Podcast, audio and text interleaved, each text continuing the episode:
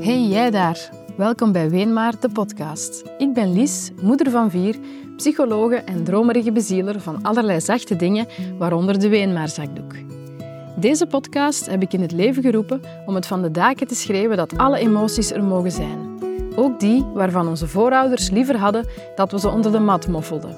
Vooral die eigenlijk. Want je moet niet stoppen met wenen. En je moet niet flink zijn. Voel maar wat zich aandient. Onze emoties komen ons altijd iets vertellen.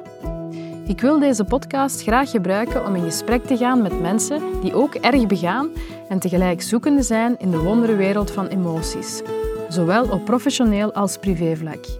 Ik hoop dat deze podcast iets mag bewegen bij jou daar, van binnen, en dat het je mag helpen om nog dichter bij jezelf te komen. Klaar voor?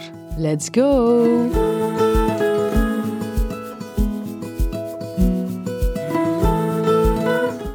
Maar Kelly, ik vind, ik vind het wel spannend. Ik ook. Ja. En het is ook allemaal uw schuld dat we hier zitten. Het is uw schuld. Het spijt me en tegelijkertijd ben ik eigenlijk heel blij dat je eraan begint. Dus het spijt me niet zo heel hard. Oké, en ik ben jou ook heel dankbaar om eind vorig jaar was het denk ik. De tweede keer dat ik bij jou te gast mocht zijn in jouw mooie podcast, Kelly zegt voert, dat jij zei van, maar Lies, als je dat wilt doen, dan moet je dat doen. En toen haalde jij daar je, je, je postje boven met die, met die apparatuur en dacht ik, en dan zei ik ook tegen jou, is het dat? En dan zei je, maar ja, meer heb jij niet nodig. Voilà, here we are. Er was iets gepland in je hoofd en het is aan het ontspreken vandaag. Het is trouwens ook een hele eer dat ik uh, als eerste de spits Ja. mag afbijten. Dus ik vind het ook wel spannend. Super. Ehm, er zit ook niet zoveel aan de andere kant. Nee, Dus ik ben blij dat ik nog eens mag. keigoed. Ik heb Ja. niemand waarmee ik dat avontuur liever zou starten dan met jou. Je hartje. Ja, dat meen ik. Ehm, en ik heb...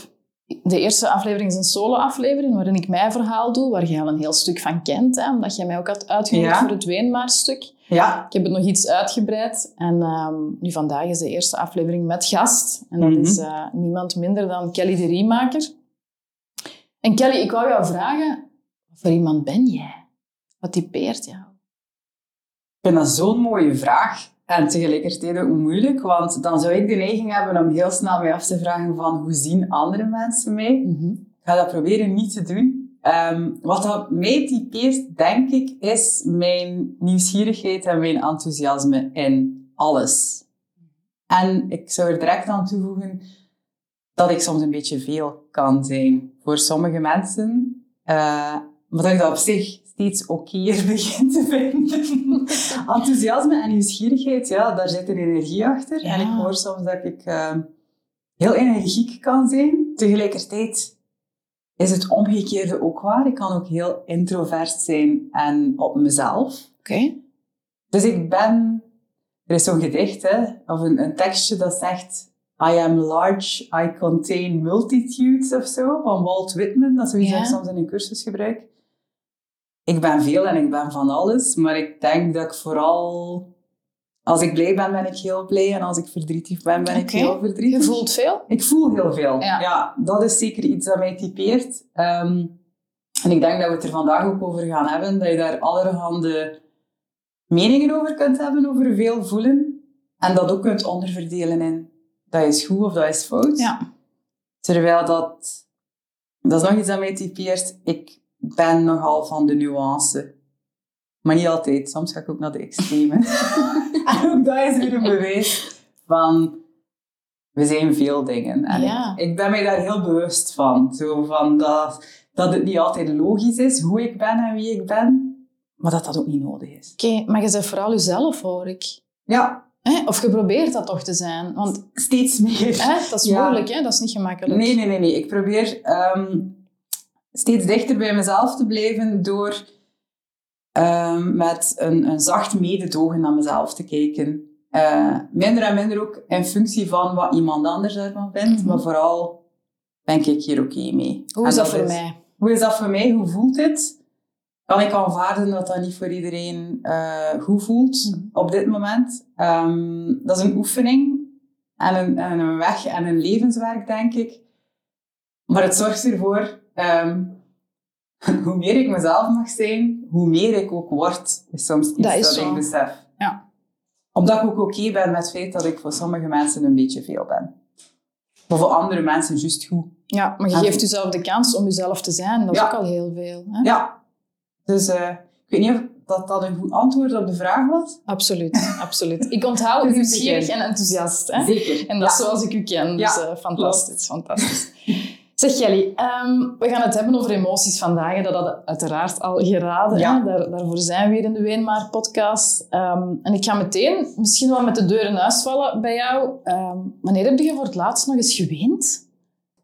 Ah, wel, ik heb erover nagedacht, want jij had mij eh, een indicatie gestuurd van waar dat we het over gingen hebben. En ik eh, bedacht me dat het voor mijn doen al wel even geleden was. Oké. ik had het er gisteren met mijn beste vriendin over van, eh, ja, het is van mij al geleden van, voor, dus we zijn nu vrijdag. En ik denk dat de laatste keer dat ik geweend heb vorige week dinsdag was. Dus anderhalve week geleden. Voor mij is dat zeer lang, waarop dat mijn vriendin, die heel veel moeite heeft met wenen Mhm. en daar echt tegenaan botst, zei, amai, dat is voor mij, ik weet niet hoe recent. Dat was gisteren. Ja, dat is bij mij echt nooit. Zij weent veel minder vaak, wat ik ook alweer boeiend vond. Maar dus anderhalve week geleden, wil je weten in welke context Ja, was? dat mag, als je het wilt dat delen. is misschien boeiend. Dus ik voel veel. Ik zie mezelf soms, iemand heeft mij ooit gezegd van, als je veel voelt, eh, dan is dat een beetje gelijk of dat, dat je zo een rolletje dubbelzijdig plakband onder een bed rolt, zodat er allemaal stof ligt. Ja, ja. Ja, dat er zo van alles aan u blijft plakken, heel de tijd door. Van mensen hun energie, iets dat je oppikt in een gesprek, iemand die tegenover u zit. Bijvoorbeeld, ik, ik coach mensen, uh, waar dat je verdriet voelt naar boven komen. Zelfs al doet je dat professioneel en weet je wel rationeel dat dat iets is dat je achter je mocht laten na een gesprek, je sleurt toch wel van Mhm, alles met je mee. Dat is iets waar ik mij steeds bewuster van word. En vorige week dinsdag was de dinsdag na twee weken kerstvakantie met mijn jonge kinderen. En ik voelde, ehm, ik journal elke ochtend. Ik schreef elke ochtend, allee, niet altijd 's ochtends, maar ik schreef minstens elke dag een keer in mijn dagboek. En ik ga dan heel erg naar hoe voel ik me nu, Ja, fysiek, Mooi. eh, naar mijn lichaam. Omdat ik altijd geleerd heb Ja, om hè, naar mijn hoofd te gaan. En tijdens het schrijven die ochtend had ik gevoeld, en trouwens de dag ervoor ook al herinner ik mij, van... Ik, ik stel mij dan de vraag van, hoe is het eigenlijk met u? Ja. What's the matter, love? Is Wat scheelt er? Wat scheelt er? En ik voelde fysiek van, er zit een, een zwaarte op mijn borst. En voor mij is dat heel vaak een teken dat er ehm, verdriet zit. Mhm. Ik weet dat verdriet zich heel vaak manifesteert als zoiets voelen op mijn borst. Dus ik had dat al gevoeld. De maandag had ik dat ook al gevoeld. En ik denk trouwens het laatste weekend van de kerstvakantie ook van... Ik ga een keer goed moeten wenen, Ja, is ja, dat ja. dat ik voel. Maar dat gebeurt niet altijd. Allee, Dat, komt lukt dan niet per se, hè? altijd. Nee, nee. Soms denk ik van, dan zou je eigenlijk een beetje een, een kraantje moeten kunnen opendraaien, zo, om wat druk van de ketel te Letterlijk, laten. ja. Maar ik voelde van, het zit klaar, maar het komt niet. Nee. En ik dacht misschien, soms doet er zich dan iets voor, schijnbaar onnozels, dat dan toch het duwke geeft, bijna voor mij, om dan een keer goed te Mhm. wenen, of te overreageren en dan naar wenen te gaan. Maar het kwam niet. En ik had al een paar keer tegen mijn man gezegd, ik zeg dat dan ook van, als hij, als hij thuis komt en hij vraagt hoe is zeg ik soms van, ik voel dat ik goed ga moeten wenen, maar het zit daar, maar het komt niet. Nee. Maar alleen al dat, dat ik me daarvan bewust eh, ben, is, is nieuw voor mij. Mhm. Ik heb dat vroeger nooit gehad. En eh, dinsdagochtend had ik dan gewerkt en, en ik voelde het nog altijd. En ik dacht, kom aan. Hè. En dan heb ik mezelf een duwtje gegeven in mijn middagpauze. En dan doe ik dat door eh, iets te kiezen op tv dat ik nog te herbekeken heb. En mijn goede vriendin, mijn beste vriendin, had mij... We geven elkaar soms tips zo, van je moet daar eens naar kijken, dat gaat u, dat gaat u ontroeren. Ja, of, ja. eh, en ehm, zij had mij gestuurd van, je moet zeker eens naar de aflevering met Evie Gruijert en haar mama kijken in het laatste Ah, portret van Lieve Blankaert. Ja. En ik dacht, oké, misschien gaat dat mij het setje geven. En effectief. Oké. Allee, ik ga nu niet zeggen dat het tranen met tuitje waren. Je hebt zo, soms van die weenbuien dat je echt de ontlading, dat je echt voelt van, ik heb hier de buizing gespoeld en Ja, het is ja. weg. Het was dat niet. Het was zo wat een zachter wenen. Oké. Maar het kwam wel los en, en het raakte mij enorm. Omdat ik ook, omdat ik het liet binnenkomen, dat ik echt zoiets had van bring it. Kom aan, er, moet hier iets, Mhm. er moet hier iets losgemaakt worden dat vastzit. Ehm, ik heb toen ook naar mijn vriendin gestuurd van, ik heb gekeken. Amai. En dan moet ik ook, wij doen heel vaak de nabespreking van zo dingen dat we samen bekijken. Mooi. En uh, ja, dan zeg ik ook van, ben zo blij, ik heb kunnen wenen.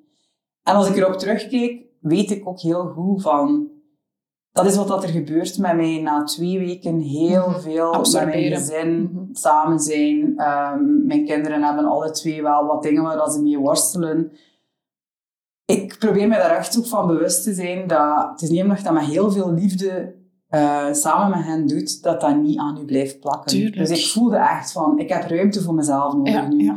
Ehm, ik moet een keer goed wenen. Niet omdat er hier per se iets heel erg mis is of zo, maar gewoon omdat veel is ja, geweest. je moet er even uit. moet er even Ja. uit. Er zit te veel... Al die mini-frustratiekjes misschien die aan jou Ja. blijven plakken zijn. die momenten dat je ook recht hebt gehouden, terwijl dat je misschien zin had om zelf mee te wenen met Ja. een kind dat overweldigd of overspoeld was. Ehm, ik ben mij st- met ouder worden steeds bewuster van het gegeven dat dat niet wil zeggen dat er iets fout loopt of zo, maar dat gewoon soms echt van alle kanten veel vraagt. Ja. En dat wenen dan een manier kan zijn om stoom af te laten. Ja. Kijk, of dat je gaat zwemmen of lopen of boksen. Of heel hard lacht. Of heel hard Of heel boos bent. Of ja, voilà. Dat, Ja. dat, voor mij is dat echt iets... Dat je vooral mens bent. Hè? En ja, zo schoon, Kelly, dat je dat aan je eigen geleerd hebt eigenlijk. Hè? Ook via dat journalen, Mhm. daar komen we zelfs nog op terug. eh, Omdat ik dat ook zoiets boeiend vind. Ehm, om, om je eigen dat toe te staan. Om zelfs manieren te vinden om dat wat, ja, een duwtje te geven eigenlijk. Hè?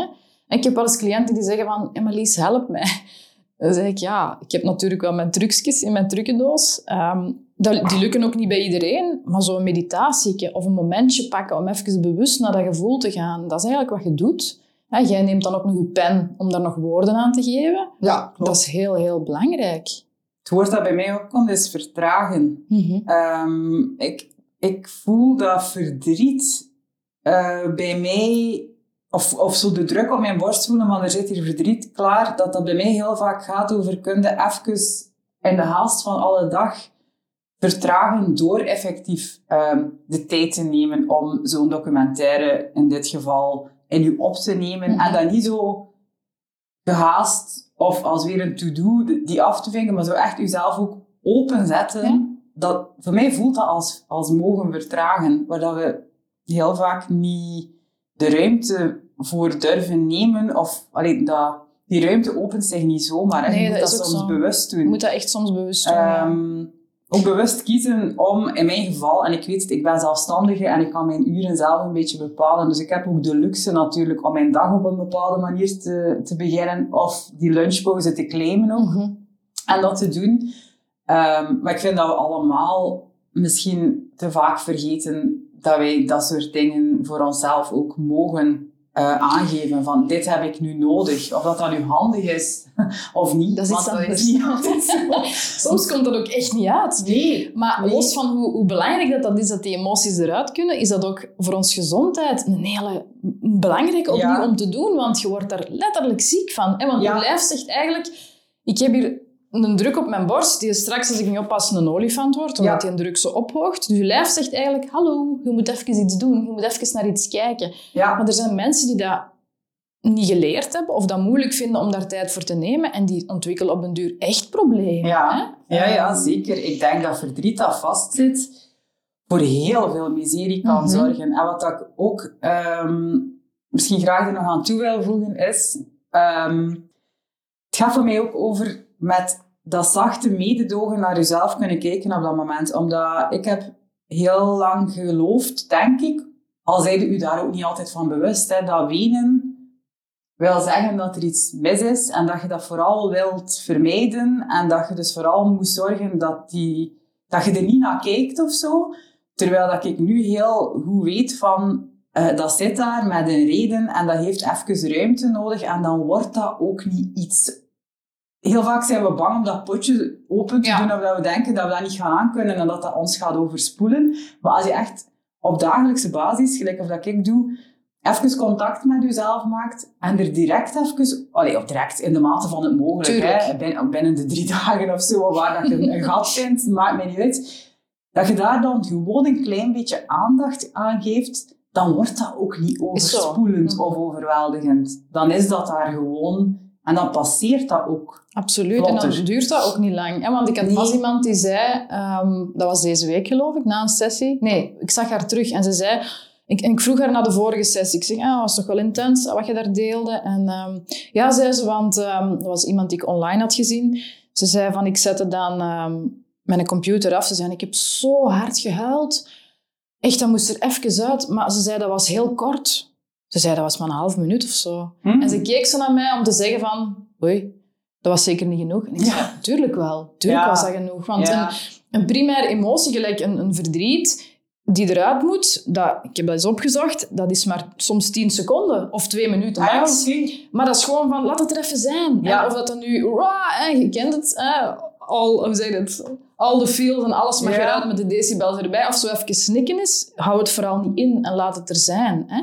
Ook zo boeiend dat we ook over dat soort dingen dan direct met de bril van, is dit wel goed genoeg? Was dat genoeg? Ja, is dit oké? Ik heb zeker is. meer nodig. Ja. Nee, dat was echt oké. Mooi dat je daar even een moment hebt voor genomen, Ja. dat je daar niet van zit weggelopen daar Ja. aan je computer. hè. Ja, ja, ja. En ik vind het zo mooi ook dat dat kan besproken worden, omdat ik ervan overtuigd ben. Ik en mijn vriendin doen dat vaak, zo het zien als een cadeau. Van niet, ik heb geweend en dat dan direct de tegenreactie is, oei. Maar wel, het is gelukt. Ja. Het is, ik ben blij, het is eruit. Ik voelde dat er zat en het is eruit en het heeft ruimte gekregen en nu kan ik weer verder. fantastisch. Terwijl dat ik denk dat wij heel vaak groot geworden zijn met je moet niet wenen en als er wordt geweend, dan is het teken dat er iets heel erg mis is. Mhm. Dat moeten we fixen. Ja, Ja. dit is niet oké. Nu denk ik heel vaak, oh, zo goed dat kunnen wenen. Ja, Want het zat daar toch. Exact Dus dat. Het is echt... ehm, en ik denk dat dat gewoon een andere blik is.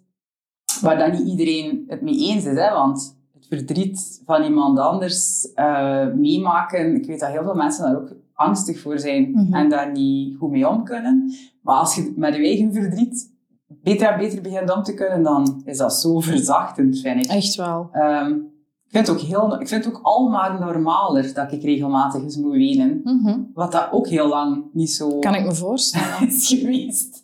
Ik zie dat nu echt als... Allee, dagelijks onderhoud is het niet, want het is niet elke dag. Maar wel zo'n vorm van onderhoud. Ja, Zo, natuurlijk. Even natuurlijk. de kraan openzetten, want ik, ik zie dat echt als de buizen spoelen bij Maar mij. bij, bij lachen zeggen ze eigenlijk wel. Ik ken die van, ik weet de minuten niet dat je moet lachen per dag. Nee, nee. maar, hè, bij lachen zeggen ze dat wel, maar eigenlijk bij wenen. Is daar, dat is niet beschreven, maar eigenlijk En we zouden het beter doen. Een dag niet gelachen is een dag niet geleefd, maar dan denk ik, maar een week niet geweend is misschien een week te veel opgekropt. Ja. Ja, ja, ja. En eigenlijk zouden we daar misschien ook een keer een campagne of zo, of een... een allee, ik, jij bent natuurlijk een voorvechter van het belang van zo, hè, Mhm. ween maar, maar dat is niet algemeen...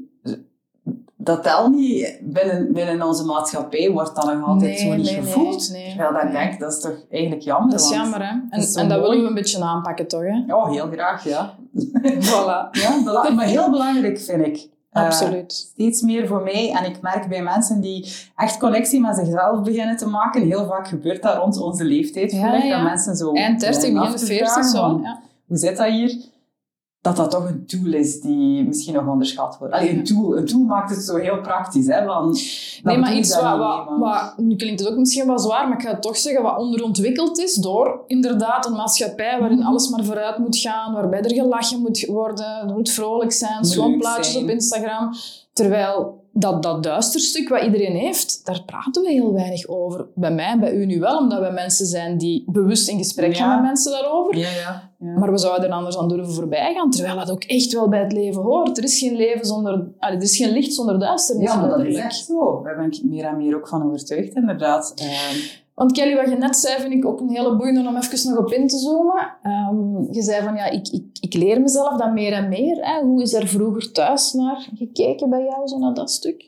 Ik heb me dat afgevraagd. Ik probeerde Ja. terug te gaan naar als ik eh, weende, hoe dat daarmee werd omgegaan. Ik denk dat ik een kind was dat veel voelde en dus ook veel emoties ervoer en dat dat niet echt altijd werd begrepen bij mij thuis. Mhm. Ehm, ik herinner mij niet echt eh, anekdotes of zo, of momenten waarop dat ik nog heel bewust zie wat er toen tegen mij werd gezegd door mijn ouders, maar wat dat heel hard naar boven kwam toen dat ik terugkeek, was mijn twee grootvaders die de neiging hadden toen om, als ik weende, daar wat um, lacherig over te doen. Serieus? En ook zo uh, oordelend met zo van die uitdrukkingen als je moet niet trunten of je zei een, een, bij ons noemen ze dat in West-Vlaanderen een blijtekoeste. Een Ah, ja, is iemand die te veel, ja, iemand die veel te veel weent.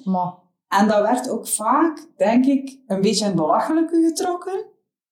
Ehm, waardoor dat ik gevoeld heb dat dat eigenlijk geen wenselijk gedrag was, te veel wenen. En ik denk dat dat iets is dat algemeen, allee, als ik zo met vriendinnen praat, dan hoor ik ook dat het heel snel was van, maar je moet daar niet over wenen. Ja, en je moet exact. maar- allee, het is niet erg genoeg. Of dat dat zo wat in de weegschaal werd gelegd. En wat dat mij ook herinnerde... of dat we onze tranen moesten sparen, Kelly. Voor de lastige... Voor de dingen die echt erg Of als we echt pijn hadden of zo. Alsof dat iets was dat, dat er niet genoeg van waren Ja, of zo. Dat we ja. En ik herinner mij ook dat er een kleuterjuf was in het derde leerjaar. Eh, ik, ik ging niet graag naar school. Ik, ik, eh, ik had het wel lastig, dus ik weende soms bij het afzetten. En Ja, dat- ja. daar herinner ik mij wel momenten waarop dat, dat echt ook zo werd gezegd als... Zijn nu een keer flink. Allee, u, laat uw mama nu een keer vertrekken. En ik denk dat ik wel ergens geïnternaliseerd heb van... Dat is niet iets dat we doen. Nee. Dit wordt niet echt aanvaard. Waardoor dat ik... Ja, ik ben aan het denken, als ik, toen ik ouder werd, naar mijn puberteit en zo toe, zie ik wel heel erg dat er een soort schild voor mij gaan staan. Is dat Ja. ik zo ehm, de vlucht vooruit bijna heb Ja, gepakt. Want ik was eerder timide als kind en, en altijd heel gevoelig, maar dat ik rond mijn puberteit dan zo echt diegene werd die een grote bek opzette en zeker nooit kwetsbaarheid toonde. Nee, nee. Heel herkenbaar. Ja, dus eh, ik had een grote mond en ik ging nooit... Ik denk niet dat ik ooit in het openbaar heb geweend. Nu nog altijd, trouwens. Dat is misschien ook iets dat ik nog niet heb gezegd, maar wie mij heeft zien wenen, is een heel intieme vriend of eh staat heel dicht bij mij. Ik ben Mhm. nog altijd niet iemand die snel weent in het bijzijn van om het even wie. Mhm, Dat is ook Dat is iets heel hè? intiems Mhm, voor mhm. mij. Ik, heb, ik doe dat in therapie, wat ook een stap is geweest. Dat zal wel. Ja, dat was niet simpel. Ik voelde daar heel veel weerstand. Ehm, ik doe dat bij mijn partner. Mijn beste vriendin heeft mij al zien wenen. eh, eh, ser- serieus zien wenen. En dan vind ik dat oké, omdat dat mensen Mhm, zijn waar dat mij veilig Dat zijn jouw veilige plekjes. Ja. Maar je- ik denk niet dat ik al... Jawel, ik heb één keer heel onhandig... ehm, toen het heel moeilijk ging met mij een tijd geleden, had ik afgesproken met mijn vriendin op restaurant. En op een bepaald moment kreeg ik een sms'je binnen van iemand dat mij enorm hard raakte. En ik ben daar beginnen wenen, maar echt niet meer kunnen stoppen. In het midden van een restaurant waar ik weet niet veel Mhm. volk zat. En ehm, ik heb dat ook gewoon niet... Ik heb daar geen schaamte over gegoten. Maar ik weet wel nog dat ik dat heel boeiend vond. Dat ik zoveel verdriet voelde. Ja. Dat dat... En, en die, die mensen van dat restaurant kwamen ook vragen van, gaat het, gaat het? En ik nee, het gaat niet. Ehm, Maar het is oké. maar het is oké. Ja. Ik heb dat ook gewoon gelaten. En ik heb wel gedacht, want dat was een restaurant waar wij regelmatig gingen en waar ik heel graag ga, ga ik daar nog wel durven binnen gaan? Heb ik mij toen afgevraagd. En toen dacht ik, maar waarom? Tuurlijk niet? wel. Ik had gewoon heel veel verdriet op dat moment. Het was heel zwaar. Ehm, het moest even. En, Moest een plekje krijgen. en het was daar. Ja. En Fantastisch dat je dat hebt toegelaten. hè? Dat je niet naar die wc's had gevlucht of Nee. weet ik veel waar. Nee, maar het was wel dacht, momentjes. Hè, Ja, snap ik. Die, eh, om dat te zeggen, verdriet kan er ook soms zijn. En ehm laat zich bij mij ook niet tegenhouden. Nee, nee, hoeft Of- ook helemaal nee, Voilà. En dan dacht ik ook van... Ik ben de eerste om te normaliseren dat emoties zich kunnen aandienen. Dus op zich heb ik dan ook wat oefening gedaan hè, voor mezelf. Maar ik weet wel dat mijn vriendin toen zei... Ik vind dat zo zot dat jij dat dan kunt, want ik zou dat nooit kunnen. Ja, maar zie dus hoe dat je gegroeid bent Ja. dan. Hè? Als je kijkt Ja, van... het is niet dat ik dan wat op mijn wishlist sta, hè, om in een, in een restaurant te zitten wenen, gelijk een klein kindje. Je opa moest het weten. Oh, oh, boeiend. Ja, daar had ik nog niet bij stilgestaan, maar die zou dat super gênant gevonden hebben. Dat zou het laatste geweest zijn, terwijl dat ik dat zo helemaal niet nee, nee. nee, nee. nee, Maar ik hoor je zo. er, eh, eh, ergens zeggen van, en vind ik heel boeiend, want dat is echt tekstboek hoe dat voor mij ook was. Hè. Dat hebben jullie ongetwijfeld in de eerste aflevering kunnen horen. Op een moment gaan dan die emoties op slot of zo. Mhm. Dan lijkt het alsof dat je die voor jezelf wegsteekt. En waar ik eerst mezelf wegstak, letterlijk en figuurlijk achter de zetel, waar ik ook Ja. was, thuis of bij mijn tante. Of... heb ik geleerd van, oké, die zetel, die ben ik ontgroeid. Maar die emoties, die steek ik weg. Ja. En ik zie wel hoe. Ik had daar mijn trucjes voor. Ja, ja. Uh, maar dat hoor ik bij u ook. Van, maar je zet wel nog altijd... ehm, of ik was dan misschien ineens wel een kind dat wel wat bozer kon zijn of zo. Maar onder die boosheid zie ik nu... Zat dat verdriet dat ik had Oh, ja. weggestoken. Hè? Ja, ja, zeker. Of onder dat lastig gedrag wat anderen bij mij zagen, zat waarschijnlijk ook iets wat er niet uitkwam. Ja, En dat is dat, dat stuk van, ik, ik was niet moeilijk, ik had het moeilijk. Maar natuurlijk waren er, ah, was die een tijdsgeest toen anders, dat Ja. er niet met die bril naar werd gekeken. Hè? nee, zeker niet. Ehm, ik zie nu vooral, als ik nu terugkijk op mezelf als 16-jarige en ik zie zo de klasfoto's passeren waarin dat ik ook qua uiterlijk zo verhard ben, eigenlijk op een bepaald moment. Hè. Echt zo met de legerbottines en de zwarte schmink. Ja, en- zeker. En de stretchbroeken met Ja, javelplekken. En... Je, je zag ook aan mijn lichaamstaal op die klasfoto's, eh, don't mess with me, zie ik heel erg. Ja. En dat is jaren, allee, zelfs tot toen dat ik ging verder studeren en in de, aan de start van mijn relatie ook, denk ik dat ik een geloofsovertuiging had van, zolang dat je niet toont dat je kwetsbaar bent, gaat niemand ooit eh, op de knopjes kunnen Nee, duwen die je menen. Ja, voilà. Dus ehm, ik zie nu vooral iemand die heel bang was om mensen te dicht te laten komen. Ik denk ook omdat ik toen heel goed voelde dat ik heel snel geraakt word. Ja, En dat dat soms heel overweldigend moet geweest zijn, ook voor mij als kind. Ehm, nu sta ik heel dicht bij mijn gevoel, denk ik. Dichter dan dat ik hier ooit voor heb gestaan. En nu voel ik op dagelijkse basis hoe hard dat dingen mij kunnen ontroeren. Ja, mooi. Maar dat zat achter die muur. ja, hè. Dus, tuurlijk. ehm, ah ja, want dat gaat mee op slot. Ja. Dat is het spijtige. Alles, Ja. dat is inderdaad waar. Al het mooie daaraan Ja. en al het minder handige zit allemaal ergens achter, waar dat je er zelf ook niet meer bij Nee, raakt. nee.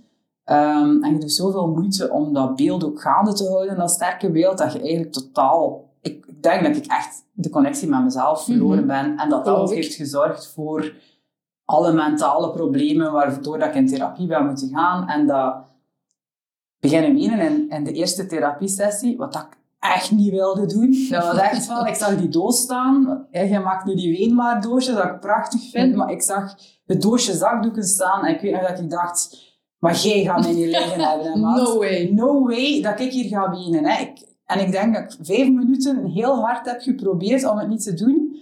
En dan is die kraan open gegaan. En voor mij, als ik daar nu op terugkeek, was dat het begin van de weg terug of zo. Ja, fantastisch. dat je dat zo maar- kunt zien. Ja, ja, ja. Maar ik wilde niet. Ik weet nog echt dat ik dacht van... Omdat ik mij ook schaamde. Ik, ik zie mij daar nog zitten met die zakdoekjes en dan zo bij dat doosje moeten pakken. Ik denk dat ik dat ook heb gezegd tegen mijn therapeuten toen van... Sorry dat ik Ja, niet sorry. Ik hoor, Oh. zoveel sorry's. Ja. Eigenlijk hoor ik bijna geen sorry's als mensen beginnen te wenen. Ik zeg altijd, maar je moet je nooit excuseren. En dan zeker hier niet. Ik zeg dan, je zit op weenbaar grondgebied. Kom op. Maar zo goed dat je dat zegt, want als ik daar nu op terugkijk, ik was natuurlijk een stukje jonger. Het is al een tijd geleden dat ik de eerste therapiesessie heb gedaan. Maar dat ik gewoon ervan overtuigd was dat ik mij moest excuseren als ik inderdaad op wat dat weet, maar Ja. grondgebied moest zijn. En ook is, Tuurlijk. ik had dat volledig verkeerd in mijn hoofd. Ik, ik zat daar toen ook, denk ik, te bewijzen dat het wel ging tegenover Ja, een ja. therapeute die daar was om mij te helpen. Dus ik dacht, dat voelde voor mij ook gewoon alsof dat er iemand een licht scheen op een stuk van mij dat het daglicht nooit, nooit, nooit Mhm, mocht zien. mhm. Zo, mijn verdriet. En dat ik soms bang was. En dat mocht niet bestaan, denk Ja. ik. Dat zat echt achter een muur van... Als iemand weet dat dit ook een stuk van mij is, dan zou ik door de grond willen zakken van schaamte. Mhm. Zo zat ik daar Zo ver was dat weggestopt. Oh, hè? verschrikkelijk. En dan Ja. was er iemand die er de gordijntjes letterlijk en figuurlijk opentrok in jouw leven en even licht aanstak. En dat was heel overweldigend voor jou. Ja, die, wat dat belangrijk was, achteraf bekeken, was... Die liep niet weg. Nee, Die, die zat bij mij en die zei... Zie dat het lastig is, maar volgende week kom je terug naar hier en we gaan dat samen doen. Zodat. Ik denk dat ik ergens geloofde van als iemand ziet dat dit ook een stukje van Mhm. mij is, dan gaat hij mij verlaten. Want ik moet altijd ook vrolijk zijn en Maar dat is wat de juf gezegd had, Kelly. Ja, ja, ja, ja, maar dat serieus. Ja, ja. De juf had gezegd, allee, je mocht je mama zo niet laten vertrekken. Ja. Mama, het ging niet over je mama, Nee, het ging over jou. Dat dat voor mij lastig Tuurlijk. was. Dus ik denk dat ik inderdaad dat ook op mijn schouders droeg op dat moment. Dat dat mij helemaal... Mensen krijgen ongemak als ik ween. Ja, ik mag dat hier niet doen. Ik mag u niet, niet lastigvallen. En niet alleen dat, maar echt letterlijk het, het geloof van... Dit stuk van mij mag hier niet zijn. Mhm. Dit is iets dat we niet mogen...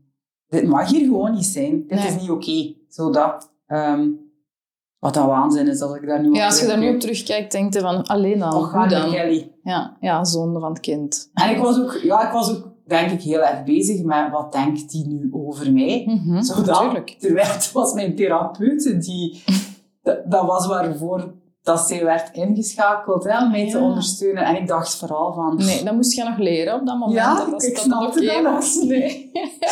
oh, zo grappig. Zo- zo Eigenlijk, schoon ook. Ja, ook schoon. Hoe, Ja. hoe, dat, hoe dat je nu naar jezelf kunt kijken met het mededogen dat toen gewoon nog niet aangeraakt Nee, nee. was of zo. Ja.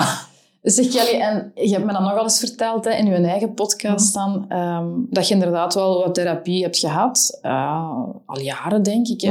Ehm, hoe heeft dat jouw stuk veranderd? Je zei het net al, eigenlijk van sessie 1, bij wijze van spreken, werd er al een stukje wakker, wat, Ja. wat sliep of heel erg was weggestoken. Hoe is dat dan nog verder gegaan in die sessies en maanden en jaren eventueel daarna? Hoe... Wat dat voor mij zo belangrijk is geweest, en dat is eigenlijk wat ik nu nog altijd aan het herhalen ben op dagelijkse basis, was elke week, want ik denk dat ik toen elke week ging in het begin. Oké. Ehm, ik wist dat zij altijd begon met, vertel eens, hoe is het met u? En gewoon onderweg zijn naar die therapiesessie en mezelf die vraag iedere keer stellen en daarin proberen eerlijk te zijn, was voor mij denk ik een van de meest waardevolle dingen. Ja. Omdat ik mij dan nooit afvroeg daarvoor. Nee, nee, Ik nee, je ging maar door, ja. Nee, ik wist niet wat met mij was. Ik vond dat, ik vond dat niet belangrijk ook. Maar gewoon dat ik wist dat, dat zij die vraag ging stellen en dat ik ook voelde dat ik eigenlijk heel snel, als ik daar niet bij stil stond, default ging naar, ah goed, Ça va, ça va. dat is wel druk, druk, druk. Ja, dat. Maar dan dacht ik, maar daar ga, daarmee gaan we er niet komen. Dat Nee. voelde ik wel heel snel van. Als ik hier die façade bij haar probeer hoog te houden, dan zou ik mijn geld eigenlijk dat ik hier aan die sessies geef ook in brand kunnen steken. Ja. Dus ik voelde van, ik ga toch moeten beginnen kijken, ook al voel ik die weerstand daar echt wel op zitten. En dus... En soms wist ik het ook niet. Want ik herinner mij nog dat ik dan in de wachtzaal zat en zo de vraag stelde van ja, ze gaat weer vragen hoe dat met mij is geweest. Ja, en dan zat ik zo heel rationeel zo te denken van, waarover zou ik het nu vandaag een keer kunnen hebben dan? Want ja, die verwacht iets van mij, dus ik ga maar een thema kiezen.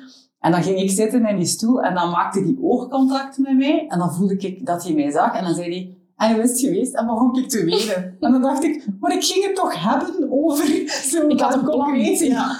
Also, wat gebeurt er hier?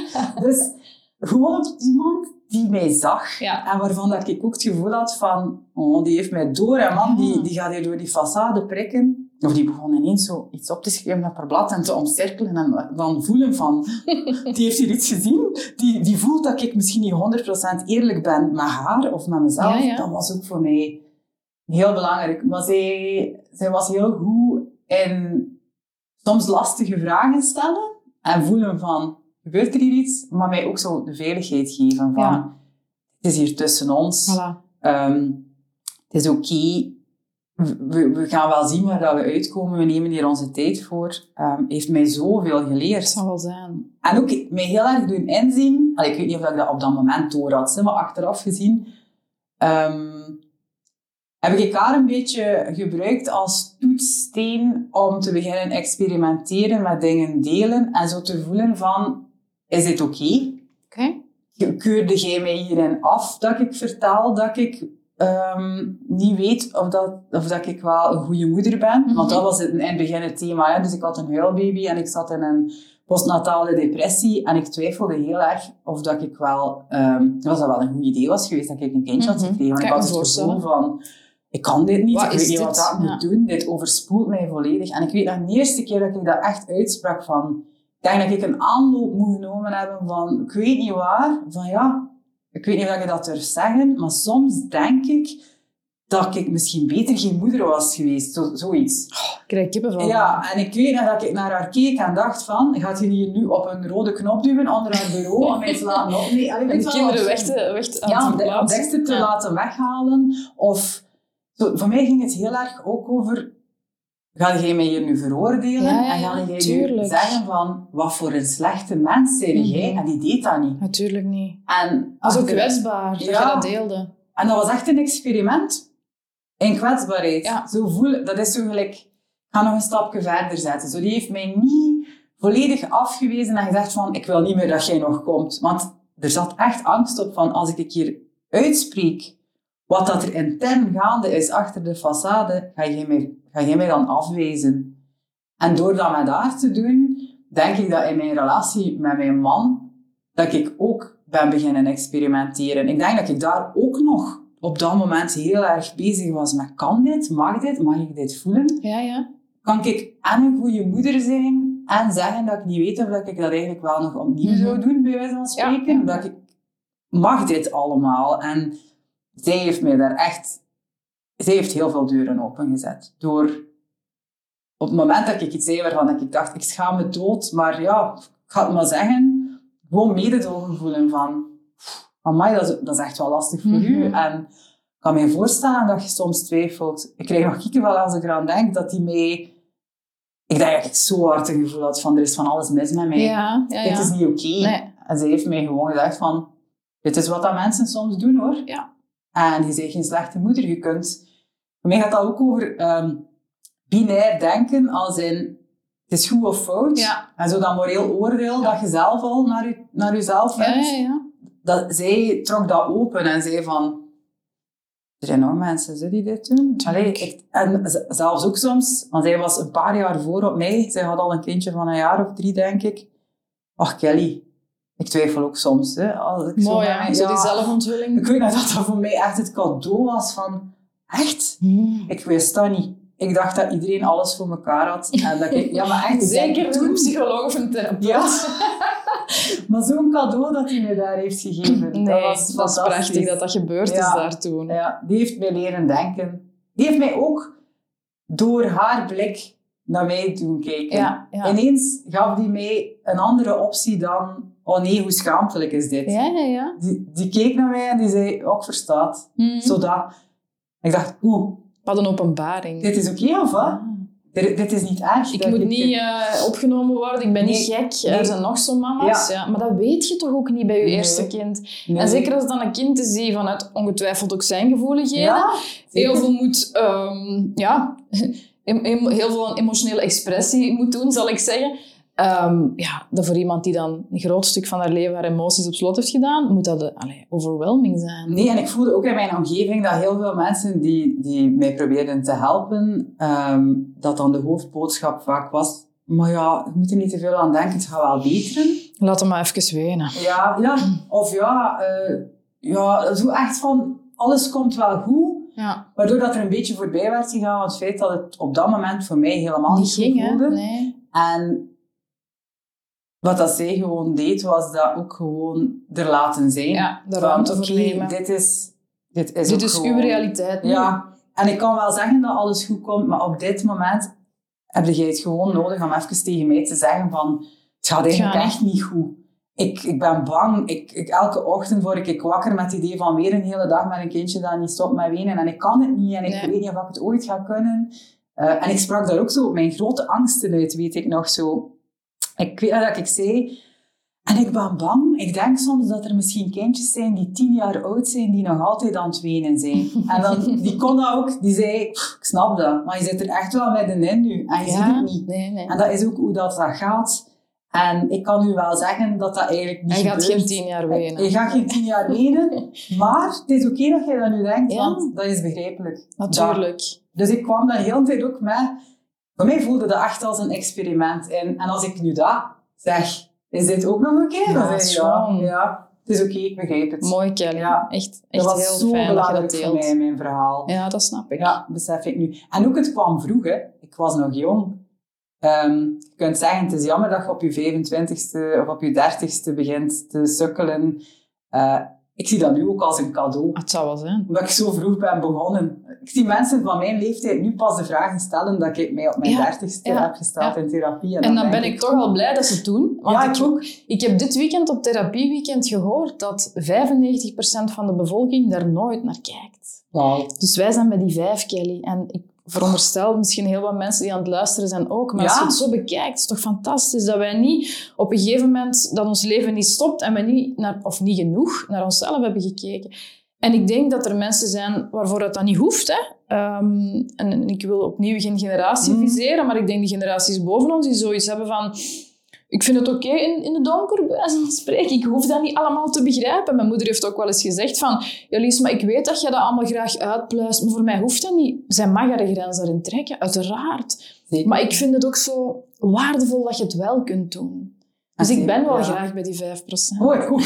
Die 5% dat is my, my people. Ja, Dat zijn de mensen die ook aangetrokken worden, denk ik, door wat dat wij doen. Ja, dat is Wat zo. dat een fantastisch... Want je kunt dat niet met iedereen bespreken wat wij nu aan het bespreken zijn. Nee. Omdat dat te kwetsbaar is, of omdat dat de ander dan inderdaad ongemakkelijk maakt. En je denkt, "Hm, dat is hier niet voor vandaag of voor nooit misschien. Ja, Dus ik bespreek dat wel met iemand anders. Maar zo omringde u wel met mensen die ook in die fase zitten Ja. en die ook naar die dingen willen kijken. en kunnen die mensen ook het cadeau geven van Ja. het is oké, hè? Ja, voilà. Ja. Dat, dat, ja.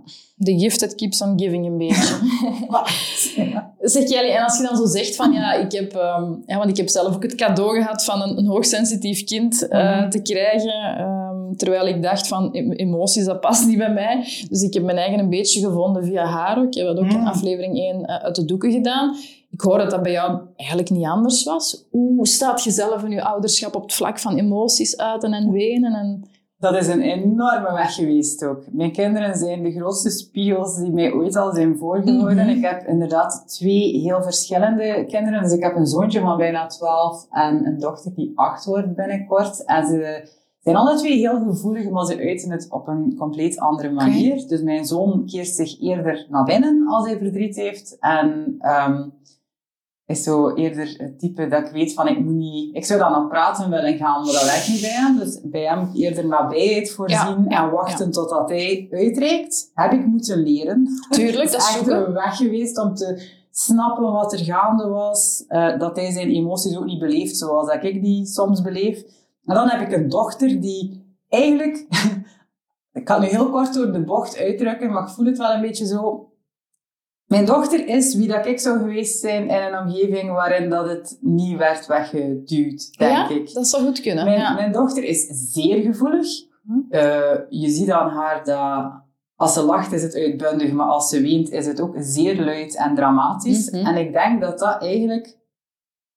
Dat ik ook zo zou geweest zijn als ik de afkeuring daarvoor Ja. niet... Of de, de verwarring daar rond, of dat mag niet, of dat is niet oké, had gevoeld. En dat klinkt allemaal misschien wel tof, alsof dat in ons gezin heel makkelijk is, maar dat, dat is zeker niet zo. Want Mm. zij confronteert mij heel hard met mijn eigen eh, neigingen om toch, eh, je, moet zo, je moet niet zo luid wenen, je moet niet zoveel drama, zit ik je zoveel niet? Ja, ja, ja. Ik hoor mezelf eigenlijk tegen haar soms, als ik er niet over nadenk, dingen zeggen waarvan dat ik denk, en dat is exact wat dat er tegen u is gezegd. En Mm, dat is ingeslikte ouders. Ja, aanvaarding. Hè, van, dus ehm, door te leren om tegen haar te zeggen, ween maar, Ja. en haar die ruimte te geven, denk ik dat het voor mij ook nog makkelijker wordt om dat aan mezelf te zeggen. Dus zij heeft, eigenlijk is mijn dochter, denk ik, een sleutel voor mij geweest om het te aanvaarden bij mezelf. Omdat ik ook zie, ja, ze voelt veel, hè. En er komt zoveel binnen. En het is ook een heel slim kind. Dus ze pikt zoveel op. En ze maakt ook zoveel connecties. En ze heeft een, een gevoelig hart. En het is zo mooi ook. Het is niet alleen maar lastig, maar soms is het ook lastig. Natuurlijk, het is intens. Hè? Het is heel, intens. ja, ik heb een intense dochter. ehm, waar dat ik met zoveel liefde naar kan kijken op de momenten dat ik goed zit. Want soms kan ik ook echt denken Natuurlijk, van... Oh my god, ik weet echt niet wat ik hiermee moet. Ehm, iemand die veel voelt en intens is, dat, dat heeft wel effect hè, binnen een gezin. En zeker als ze nog klein zijn en als ze niet goed... Allee, als, als je die in de auto steekt na school en die zijn heel de dag mega flink geweest en dan legen die hun emmerke over je hoofd. Op Want het is veilig nu. Mama ja, is er. Ja. ja, dat is uh, tegelijkertijd heel mooi dat dat kan en dat hij zich veilig voelt, maar dat is ook wel de reden dat ik twee dagen na de kerstvakantie voel van Natuurlijk, nu mijn Maar ja, um, want wij staan daar dikwijls ook na een drukke werkdag ja, een leeg jammer en je denkt, oh boy. En niet alleen dat, hè. Uh, het, het, um, als mijn dochter weent, is dat soms met heel veel lawaai ja, en heel veel... Hè, die, die neemt daar ruimte in. En ik, uh, ik wil dat ook toelaten, dat ze dat kan. En tegelijkertijd heeft dat bij mij ook iemand die zijn emoties luid ervaart, voel ik in mijn lichaam soms naar onveiligheid gaan. Weet je dat ik dat net ging zeggen? Ah ja, Dat ik benieuwd ben wat dat op het niveau van uw lichaam doet. Want uw lichaam heeft als kind geleerd van, wenen, beter niet. Ja. En als je het doet, liefst niet te laat. Ja. Um, dus als zij dat doet... Ja, Dus als zij dat doet met heel veel expressie, zegt uw lichaam, want die weet natuurlijk niet dat dat al zoveel jaar geleden is, zegt uw lichaam, oei, oei, onveilig. En uw je brein, bij wijze van spreken, begint uitspraken te doen als allee, zeg maar wat stil. Ja, Terwijl je denkt, huh, dat zijn mijn woorden niet eigenlijk. Of probeert het voor te zijn. Hè? Dat is iets of dat te stoppen. Of, ja, dat ik bijvoorbeeld... of het op te lossen, ja. Ook in interactie met haar broer bijvoorbeeld, want die verschillen heel erg. En soms gaat dat super en soms is dat heel lastig. En dan voel ik het mezelf er zo rond helikopteren. Ja. Zo van, oeh, ik voel hier een sfeerverandering. Omdat ik ook heel alert ben op sfeerveranderingen. Dus dan hoor ik die discussiëren en dan denk ik, laat het, laat het. Ze gaat zelf wel oplossen. En dan ineens hoorde zo dat, dat mijn dochter dan naar wenen neigt te gaan. En wat er dan in mijn lichaam gebeurt, ook al weet ik rationeel van, weet wel, het is oké, dit is veilig, wij kunnen dit Mhm. aan. Mijn lichaam heeft iets Nee, helemaal anders aan. Dus ik moet ook eh, leren om met mildheid naar mezelf te kijken op die momenten dat ik mezelf hoor zeggen, en stop nu een keer met wenen. En zeg, want hey, als, omdat ik zelf in paniek Ja, ga. tuurlijk. Van dit mag niet, dit wat je moet doen. Omdat wenen voor mij ook oncontroleerbaar Mhm. is. Zeker de manier waarop dat mijn dochter weent. Mijn dochter kan echt zo een vulkaantje zijn. Ja. Maar wat ik mezelf heb geleerd door in plaats van dat weg te duwen, als ik, als ik eh, zelf eh, in staat ben om te zeggen: Kom ik hier hier, Ja. ween maar een beetje, weet ik ook dat dat iets is dat gewoon ook weer passeert. Zij heeft soms gewoon die nabijheid nog nodig. En dan kan ik rationeel wel zeggen: Allee, jong. Aan het einde van een werkdag en ook dan nog, en ze is al acht jaar en gaat ze eigenlijk heel haar leven zo dramatisch, zo, dan hoor ik Ja, ja. mezelf zo Dat in hoofd. Ja. Ja, en dan denk ik, maar wat, is, wat gebeurt er en wat is het verhaal dat ik hier aan het creëren ben? Dat is ook soms iets dat ik zo denk van, ze weent en dat mag. Mhm. En ik, ik heb zelf mijn eigen rugzak, waardoor dat ik dan hè, die verhalen erbij Ja, betrek. Maar eigenlijk is het gewoon een kind dat even haar, ook haar, haar rugzakje wil legen. En Natuurlijk. En, en ik zeg en- eigenlijk soms net het omgekeerde tegen mijn cliënt. Want ik hoor dat soms ook wat jij nu zegt, Kelly. En dan zeg ik, stel je de omgekeerde vraag eens van, hoe zou dat voor mij geweest zijn als ik op die leeftijd iemand had gehad die net die actie die ik nu heb gedaan, had gedaan. Had gezegd van, weet maar even schat, kom hier. Het is oké, laat het er maar Ja. even allemaal uit.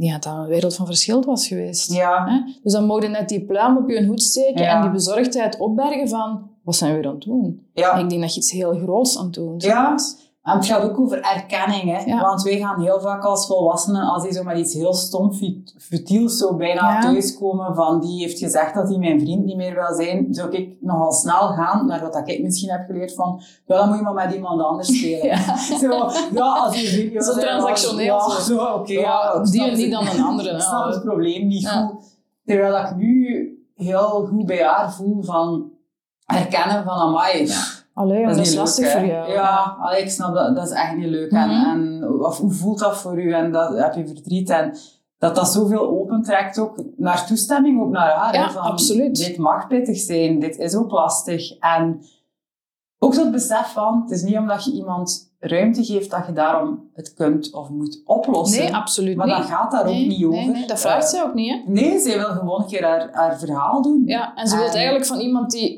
allee, misschien wel dichtst bij haar staat en samen met, met je man, denk ik, Ja, horen van het is oké en liefje, vertel maar, we willen Ja. naar jou luisteren. Dat is Ja. wat zij wilt op dat moment. En ik ben dan nog aan het leren hoor. Eh, ik ben daar nog niet, maar mijn eigen ehm, lastige periodes en voelen wat dat er voor mij toen het meest waardevol was, ook in mijn relatie en waar dat ik het mij veilig voelde, was ook daadwerkelijk dat. Mhm.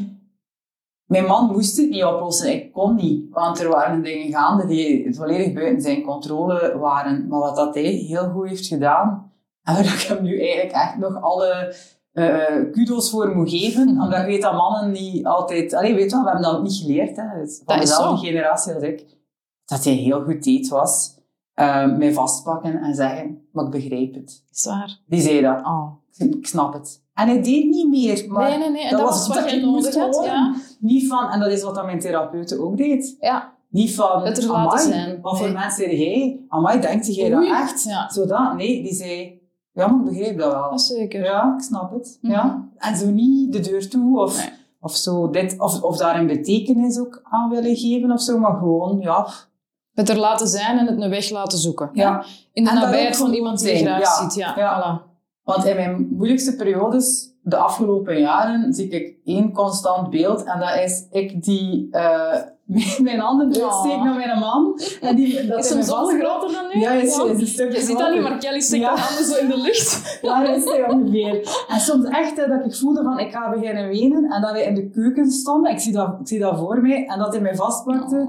En dat ik voelde van, het overspoel mij, het overspoel mij. En dat ik voelde van, nee, hij is hier en ga Oh, je weg. Het kan En- wel zakken. Ja, mocht zakken. En dat hij dat ook zei van, maar ik begreep het. Maar zo schoon. Ja, misschien was dat. En je zou bijna denken van, je, moet je moet gestudeerd hebben om therapeut te zijn, om daar dan mee om te gaan. Maar eigenlijk, Nee, jong. dat was het enige dat ik nodig had. Dat zeker. En wat ik ook vaak vroeg aan hem in de moeilijkste periodes was, maar als alles nu helemaal misgaat in mijn leven, met zo alle externe dingen die zo aan het wankelen waren, ga jij dan bij mij blijven altijd? En dan zei hij, ja, ik twijfel daar zelf niet aan. Amai. En dan dacht ik, Dat is wat jij toen moest weten, ja, natuurlijk. jij gaat niet weg, hè? Jij gaat mij niet afwijzen, hè? Gelijk of dat ik tegen mijn therapeuten ook deed, hè?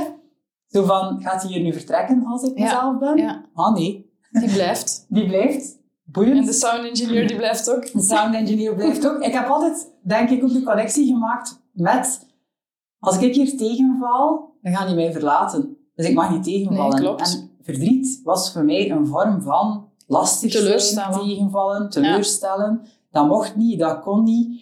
Dat kreeg geen ruimte in mijn vriendschappen ook. Ehm, dus dat heb ik wel moeten leren. Zo. En dat zijn kleine succeservaringen geweest met een therapeut, Ja. met mijn En partner. thuis en vrienden. Eh, met een vriendin die mij heeft zien wenen en die niet zei, oh, nu ben ik weg, ze. Wat voor iemand zei jij? Zeg, maar jij hebt verdriet of wat? Dat hij gewoon naast Daar heb ik jou niet voor gekozen. Ja, dit is de deal niet. Maar ik denk echt dat ik geloofde van, dat wel en dat niet. Ja, dat snap ik. Eh, Dat is zo dan 0-1 wat je zei. Ja. Zo, ja. ja, ik denk dat ik heel lang zo heb gedacht van, als je, als je toont dat je ook soms verdriet in je hebt, of boosheid, of minder handige emoties, dan gaat, dan gaat je helemaal Dan alleen gaan de mensen lopen. Ja. Die zijn weg, dan heb je geen vrienden meer. Jammer. Ja. En, en er zullen er misschien wel vertrokken zijn, of Ja. nog vertrekken, Kelly, maar dat is een volste recht en dat zijn dan ook niet jouw mensen. Nee.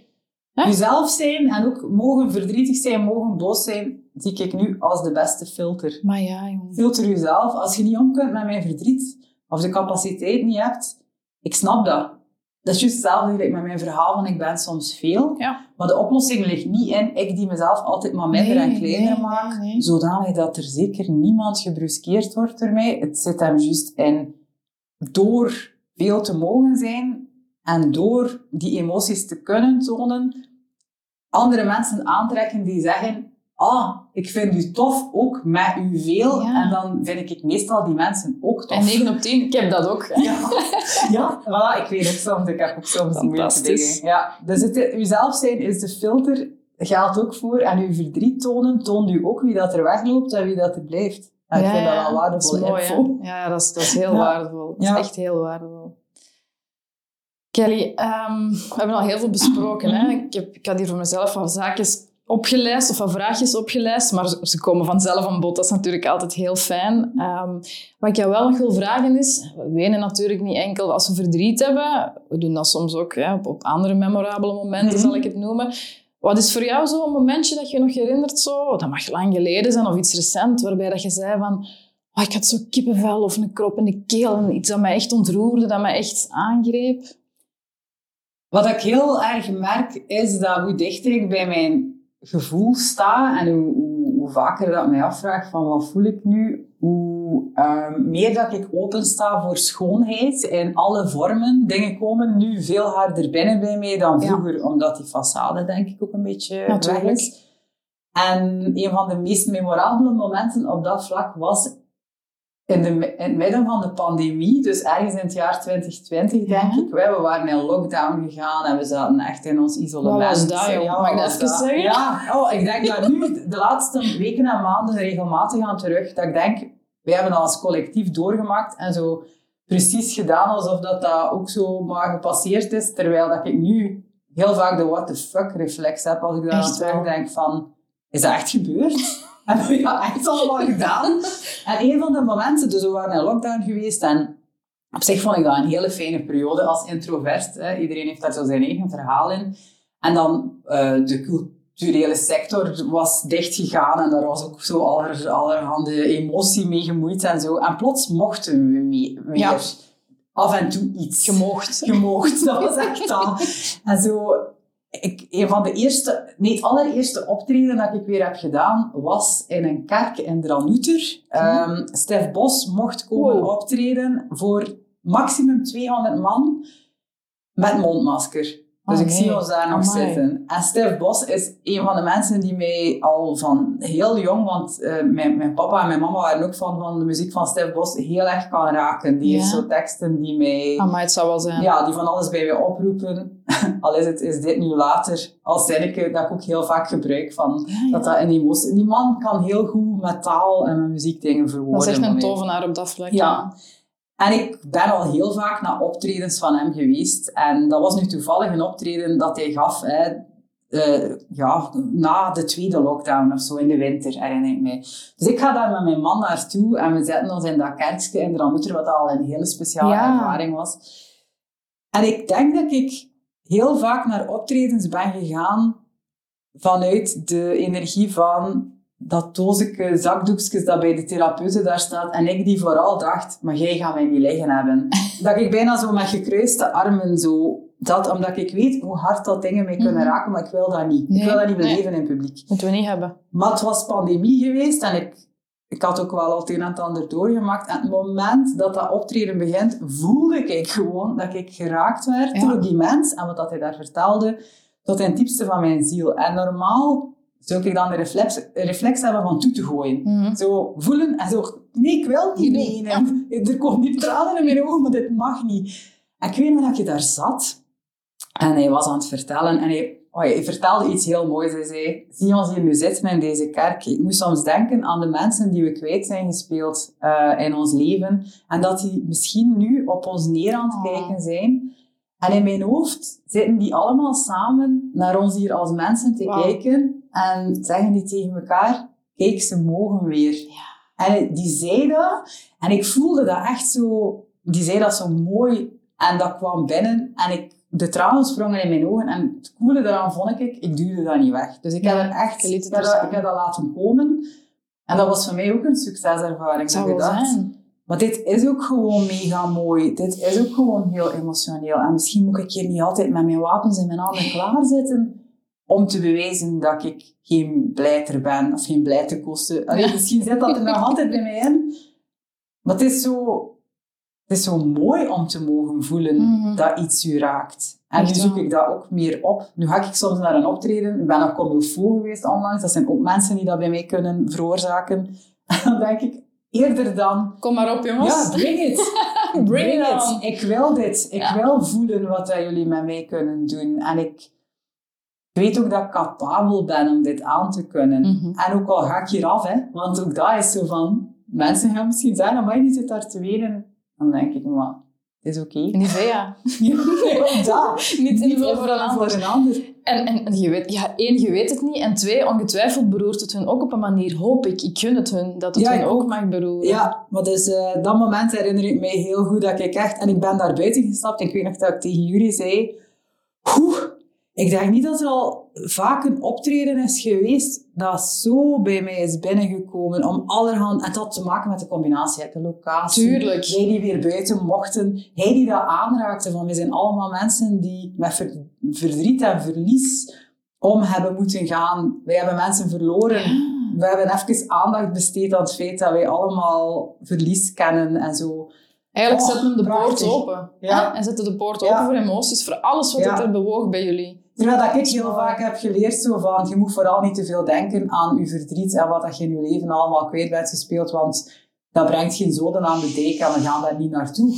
En dan denk ik, maar misschien is dat juist het probleem. Dat we niet erkennen dat, dat je heel je leven mensen loslaat en ervaringen loslaat en dat alles vergankelijk is. En, dat dat verdriet veroorzaakt soms. Nee, en het is niet omdat je het wegslikt of wat, wat dan ook, dat het weg is. Hè? Het gaat zijn weg zoeken in een ja. klacht die je krijgt, of dat je ziek wordt of whatever, of dat je bijna continu boos bent of zo. Ja. Gaat zich toch ergens wreken, om zo te zeggen. Hè? Je loopt daar niet van weg, dat komt altijd terug op de agenda. Maar echt, eigenlijk is dat zot, hè, hoe dat wij leven in een maatschappij van je moet vooral focussen op al het goede en dan, dan is het andere er niet. Maar als je heel eerlijk bent over je leven, dan komt er toch heel veel loslaten ook bij. Hè? Allee, ik heb nu bijvoorbeeld een zoon die naar het middelbaar gaat. En dat is ook heel dubbel. Want ah, tof dat hij dat gaat doen. En tegelijkertijd voel ik dat mijn moederhart daar nog niet is. Ik weet dat dat in uw situatie ook is, mm -hmm. uw jongsten. Ja. Allemaal goed, hè, dat ze zeggen, maar alles komt wel goed en dat gaat wel lukken en zo. Maar dat neemt niet weg dat ik heel veel emoties ervaar Natuurlijk. Dat ik denk van, waar is mijn baby? En ga ik die een beetje kwijtspelen? En gaat dat weer, dat is weer loslaten. En hoe, hoe gaat het zijn binnen hier en een jaar? En de relatie. En je verliest heel de dag door. Allee, alles verandert. Maar dat zorgt ook soms voor hele dubbele gevoelens. En ja, is... en, en, maar het feit dat je dat durft voelen nu, Kelly, en dat je daar zelfs momentjes voor inplant, om mm zo te mhm. zeggen, om daar echt bewust mee bezig te zijn, waarin dat je van hoofd naar gevoel gaat, van mhm. hoofd naar hart eigenlijk op dat moment. Dat is zo waardevol dat je je eigen dat gunt. Hè? Dat je die tijd neemt om dat te doen. Dat is echt fantastisch. Want vertel misschien daar nog eens even over, voordat we afronden, wat je allemaal aan het doen bent. Eh, al een hele tijd, ja. maar het lijkt alleen maar te groeien qua community, ja, die note self. Ja, dus eigenlijk, ik maakte al een tijd online trajecten rond van alles en nog wat. En in het verleden was dat zo meer praktisch, zo time management uh, tools aanreiken aan mensen en zo. Allemaal dingen die heel leuk zijn en heel belangrijk. Maar in mijn eigen weg voelde ik dat ik um, bepaalde tools heb inderdaad om zo de relatie met mezelf wat te bekijken en waar het lukt te verbeteren en te versterken. En dat zat hem voor mij ook in één therapie. Maar een keer dat ik niet meer zo vaak in therapie ging, voelde ik van, eigenlijk heb ik momentjes nodig waarin dat ik naar binnen kan keren. In plaats van heel de tijd bezig te zijn met, wat verwacht jij van mij? Wat is mijn rol in dit verhaal? Um, en ik ben beginnen dagboek schrijven, zoals dat ik had gedaan, totdat ik een jaar of twintig was trouwens. Mm -hmm. Maar toen was dat eerder zo van um, registreren hoe dat mijn dagen waren gelopen en wie dat er lang in mijn ogen had gekeken en wie dat verliefd was en, en dat dat ging. En zo, ja, dat, oh ja. De kan hier top 10. Top 10 van jongens. Ja. En met wie dat gezoend had en ja, lang dat, zo ja, En, ja, ja, lang. Maar ja, dat, maar, ik had daar wel heel wat aan gehad, maar dat is zoiets waarvan dat ik dacht van dat is iets in uw puberteit en daarna laat het al los, want waarom zouden nu als volwassen vrouw nog in uw dagboek schrijven? Ik vond dat zo wat ja, ik had daar meningen over. Mm Totdat ik op een bepaald moment daarmee in aanraking kwam uh, dat ik last van dat kan therapeutisch werken. Mhm, en ik dacht absoluut. Van, ja, dat kan geen kwaad. Misschien moet ik af en toe eens schrijven. Maar toen deed ik dat vooral um, als er iets ergs, uh, airquotes, gebeurd was, uh, daar zo over Ja. schrijven. En op een bepaald moment had ik toen gehoord dat, je, dat er een, een uh, manier van schrijven was die morning pages heette. Dat is zo'n systeem van een Amerikaanse Julia Cameron, die, een, een creatieve vrouw, die eigenlijk elke ochtend, uh, voordat ze aan haar dag begon, haar hoofd leeg schreef op drie A4'tjes. En Oh, die hanteerde ook echt die regel van, je gaat door tot aan het einde van je derde A4. Wow. Want heel vaak denkt je na het eerste A4'tje van, is het genoeg ja. geweest. Maar juist dan moet, het, moet nog een keer door die weerstand en dan komt het wel. En ik ben altijd in voor een experiment, dus ik ben dat dan beginnen doen. Van wat zou er gebeuren mocht ik nu elke dag eerst heel dat hoofd van mij leegschrijven, zonder weerstand, zonder oordeel. Ik voel me zo, ik moet nog Mhm. om toiletpapier straks zo, niks afwijzen, Nee. maar gewoon leegschrijven. En dat hielp mij heel erg. Maar dat vroeg ook wel wat, want je zei wel Ja. een half uurtje bezig, Dat of drie kwartier voordat dat hoofd is leeggeschreven. Dus na een tijdje ben ik zo beginnen overschakelen naar hoe kan dat er voor mij doenbaar en duurzaam uitzien. En ik zag op Instagram iemand die zei, ik ben al 1300 dagen aaneensluitend in mijn journal aan het schrijven, elke dag. En de enige regel dat ik heb is één zinnetje minstens. Het mag meer, maar één zin is voldoende. Ja, dat voor mij als perfectionist ook al eh, boeiend was van, ah, dat is ook genoeg, of wat? Er moeten geen drie A4 Ja, er zijn. moeten geen drie A4'tjes zijn.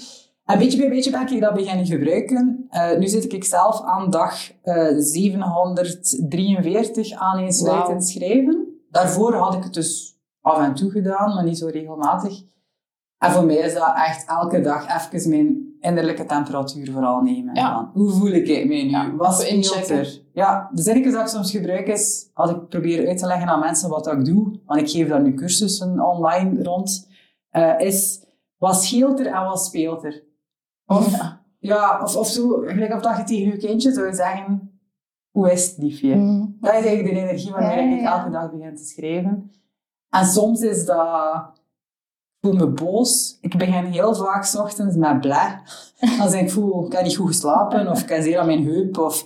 Maar gewoon dat ook erkennen van. Ja. Dat zit er ook. Mag er zijn. Ja, het mag er zijn. Ik heb buikpijn, ik voel me niet goed. Ehm, ik ben nog heel erg bezig met een gesprek van gisteren. Dat maar bl- blijft in mijn hoofd malen, omdat Ja. ik mezelf iets heb zien doen waar ik niet trots op ben. Of ik heb ja gezegd terwijl ik eigenlijk nee bedoelde. Wat, wat was er? Wat gebeurde er daar? Wat geloofde ik? Ehm, ja, voor mij is dat zo de oefening van even vertragen en voelen. Oké. En dat brengt mij heel wat dichter bij mijn innerlijke wereld, waar dat ik heel vaak niet zoveel aandacht aan heb besteed. Klopt.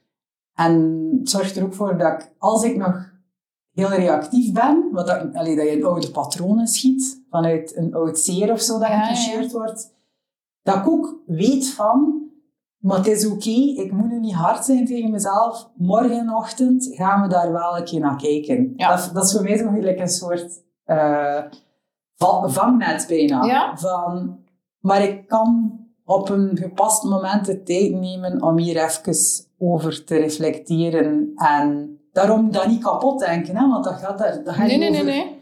vastklampen of zo, maar gewoon al is het voelen van... pff, Amai, dit heeft wel wat teweeggebracht bij mij. En zelf ook zo de, de ik begrijp het reflex hebben. Zo van, maar ik begrijp het. Ja, is ja, oké. ja. Ehm, En ook al begrijp ik het niet misschien, want ik kan me voorstellen dat begrijp soms ik ook niet altijd. dan is het Nee. nog oké.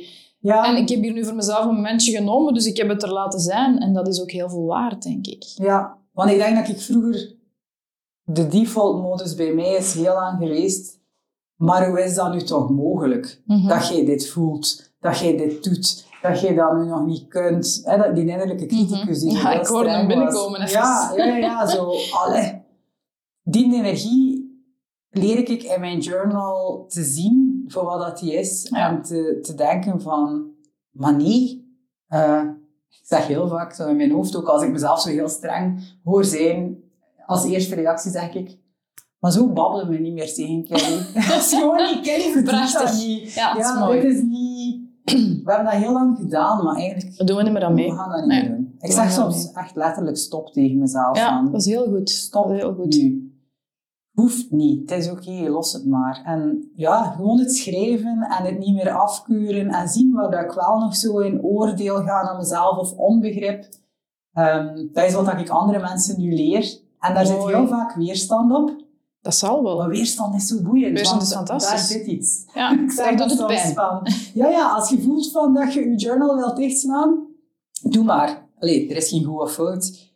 Maar weet dat er daar waarschijnlijk nog iets zit dat inderdaad Beetje aandacht vraagt. Ja, worden. ja, ja. En wat is dat dan? En kun je dan misschien ehm, heel voorzichtig een klein beetje meer ruimte geven en zien wat dat er gebeurt. En niet vanuit dat ik moet hier gefixt worden of er is hier van alles mis met mij, maar gewoon kan ik begrijpen dat dit voor mij misschien pittig is. Mhm. Of kan ik hulp inschakelen? Ik Ja. zeg ook heel vaak van, het is niet verkeerd als je door elke dag te journalen erop uitkomt dat je het misschien al heel je leven alleen aan het proberen op te Mhm. lossen bent en dat je nood hebt aan een therapeut. Ik vind dat fantastisch als je daarop uitkomt. Het is niet zo van, je journal moet dat nu doen en je mocht er zeker niemand anders mee. Nee, dan is dat het inzicht waar je naar op zoek Ja. En dan heb je dat jezelf Als je gegeven. voelt van, wacht eens, waarom denk ik hier nu eigenlijk dat ik dit Ja, allemaal alleen ja. moet kunnen? Waarom reik ik niet uit? Dan is dat een fantastisch inzicht. Ehm, dus nee, je moet het niet alleen doen, maar het kan een tool zijn om te voelen waar dat je nog harder voor jezelf Waar bent. het nog een beetje pijn doet misschien. Hè? Ja, en dat is niet zo simpel, maar het is wel waardevol natuurlijk. Absoluut.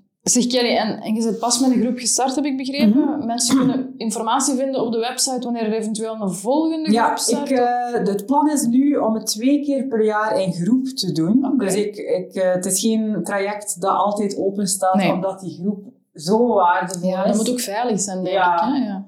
En het alleen proberen te doen kan, maar ik probeer mensen echt ook te wijzen op hun neiging om het alleen te doen Ja. en geen ruimte in te nemen. Dus ik, ik zie de community en het als groep doen ook als een kans om te kijken naar bepaalde patronen van zichtbaarheid in een groep. Of net heel onzichtbaar zijn. Of bijvoorbeeld voelen van, ik doe mee, maar ik ga nooit de eerste zijn. Dat is ook soms Ja, iets ja, ja, waarvan dat is ik denk zoiets. van, ik zeg heel vaak, wat dat je in het klein doet, doe je in het groot. Mhm. Of ik ga altijd de eerste zijn, hè? Ja, of ik ga altijd de eerste zijn. Ja. En wat, hoe komt dat?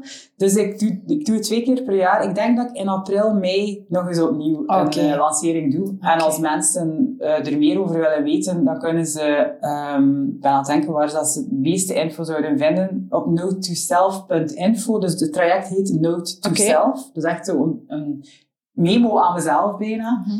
Ehm, daar kunnen ze zich op de ik ga het in de show notes Dat mag, ja. Hoor mij hier, jong. Ik ga het in de, In de show notes. Heb jij al show notes? Ah, dan- nee. En dan ben ik aan het denken, oh my god, hoe moet ik dat doen?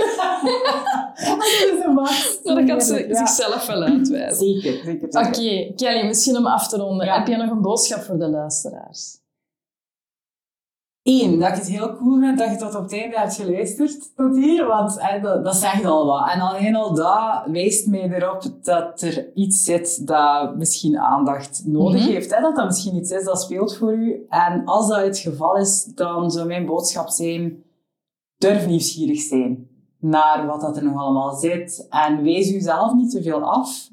Mooi. En ga op zoek naar gelijkgestemden. Want dat vind ik zo belangrijk. Ik weet dat heel veel mensen in hun omgeving niet altijd weg kunnen met hun grote emoties. En dan kun je tegen jezelf zeggen van, en dus ga ik het maar allemaal niet meer voelen. Of je kunt erkennen tegen jezelf dat je misschien meer nodig hebt. Ja. En meer dat je noden hebt. Ja, hè, en ja. kunnen je emoties delen. En dat kan beginnen bij een therapeut of bij iemand die je coacht. Hè, dat je een veilige omgeving creëert. Maar ehm, hoe meer dat je jezelf durft zijn, ook in je grote en minder handige emoties, hoe meer dat je eh, mensen aantrekt die hetzelfde voelen en willen. En dat is zo ongelooflijk waardevol. Dat is zo. Dus die verbinding opzoeken als je voelt dat je die nodig hebt, ehm, is niet altijd simpel, maar is wel, denk ik, het werk dat we ook vaak nog te doen hebben. Absoluut. Mogen- eerst mogen van jezelf en dan beginnen mogen met andere mensen. Dat maakt het alleen maar mooier, Ja, is mijn En dan eh, gaat het pas groeien, hè? In Ja. dat stuk ook. In Ja. dat stuk rond En ik hoop dat podcasts zoals dit, dat dat, dat, begint, dat begint heel vaak met uw bewustzijn van wat gebeurt er met mij als ik dit hoor. Ehm, roept dit gevoelens op van dit wil ik ook meer. Mhm. En dan stapje per stapje. Ja. Want je kunt dat ook niet forceren. Je kunt dat niet forceren. Dit is een weg geweest voor, denk ik, ons allebei. Absoluut. En dat is voor iedereen zo. We komen van ver, hè, denk ik soms. We komen van ver. En soms is het heel moeilijk, maar het is vooral niet onmogelijk. En gelijk gezegd, en dat is misschien een mooie om af te ronden, dat bewustzijn is wel 50% van de oplossing. Ja. Hoeveel is dat nu? Dat is Ja. veel, hè? Dat is heel veel. En het, het is niet altijd simpel om naar binnen te beginnen kijken. Ook, zeker als je naar jezelf neigt te kijken door een bril van het is niet genoeg en het gaat niet genoeg zijn. En hoe is dat nu toch mogelijk? Maar gewoon elke dag zien van... oh, nou, Zou ik dat tegen een vriendin zeggen?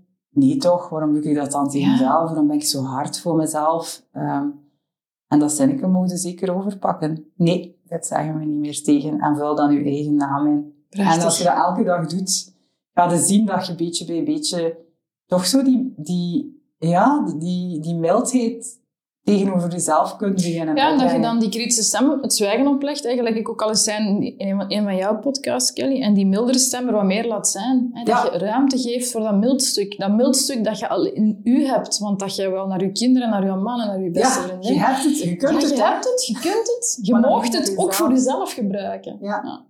En dan mocht je nu denken, als je dit beluistert, van, maar ja, hoe milder dat ik tegen mezelf ben, hoe groter de kans dat alles gaat beginnen mislopen en dat ik eh, niet meer uit mijn zetel ga geraken en alleen nog maar Netflix ga bekijken en heel mijn wereld gaat beginnen, alles gaat beginnen uit de hand lopen, is vaak iets dat Ja. ik hoor.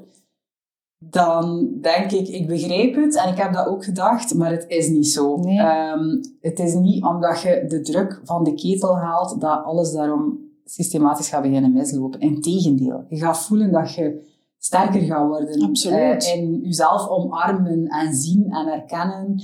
En je wordt daar ook niet egoïstisch van, want dat wordt ook soms gedacht. Hè, van als ik naar mezelf begin te kijken, ga ik veranderen Ja. in een dikke, vette egoïst.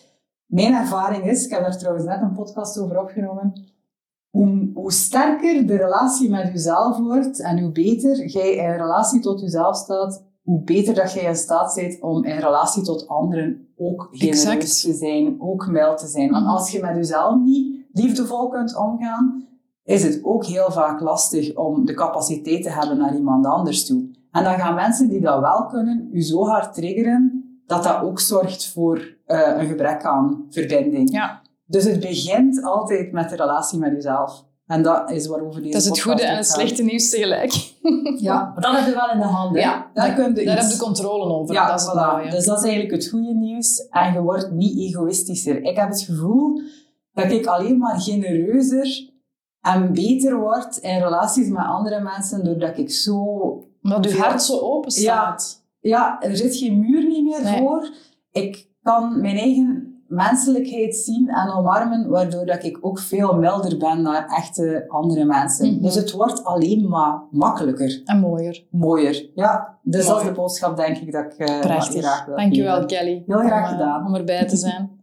En tot de volgende keer ongetwijfeld. Ja, dat gaat zeker eh, komt goed. Merci. Ja, graag gedaan. Dada.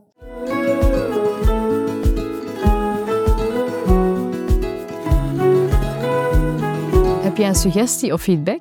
Die zijn heel erg welkom. Dat kan via het Instagram-account van leadingmoms.be of via een mailtje op lies.leadingmoms.be. Wil jij graag zo'n superzachte Weenmaarzakdoek, een kaartje of een ander zacht cadeautje? Surf dan snel naar de webshop van Leading Moms. En die is heel makkelijk te bereiken via de show notes. Dankjewel dat jij hier bent, om de tijd te nemen te luisteren en heel graag tot de volgende keer. En intussen tijd, wees en ween maar.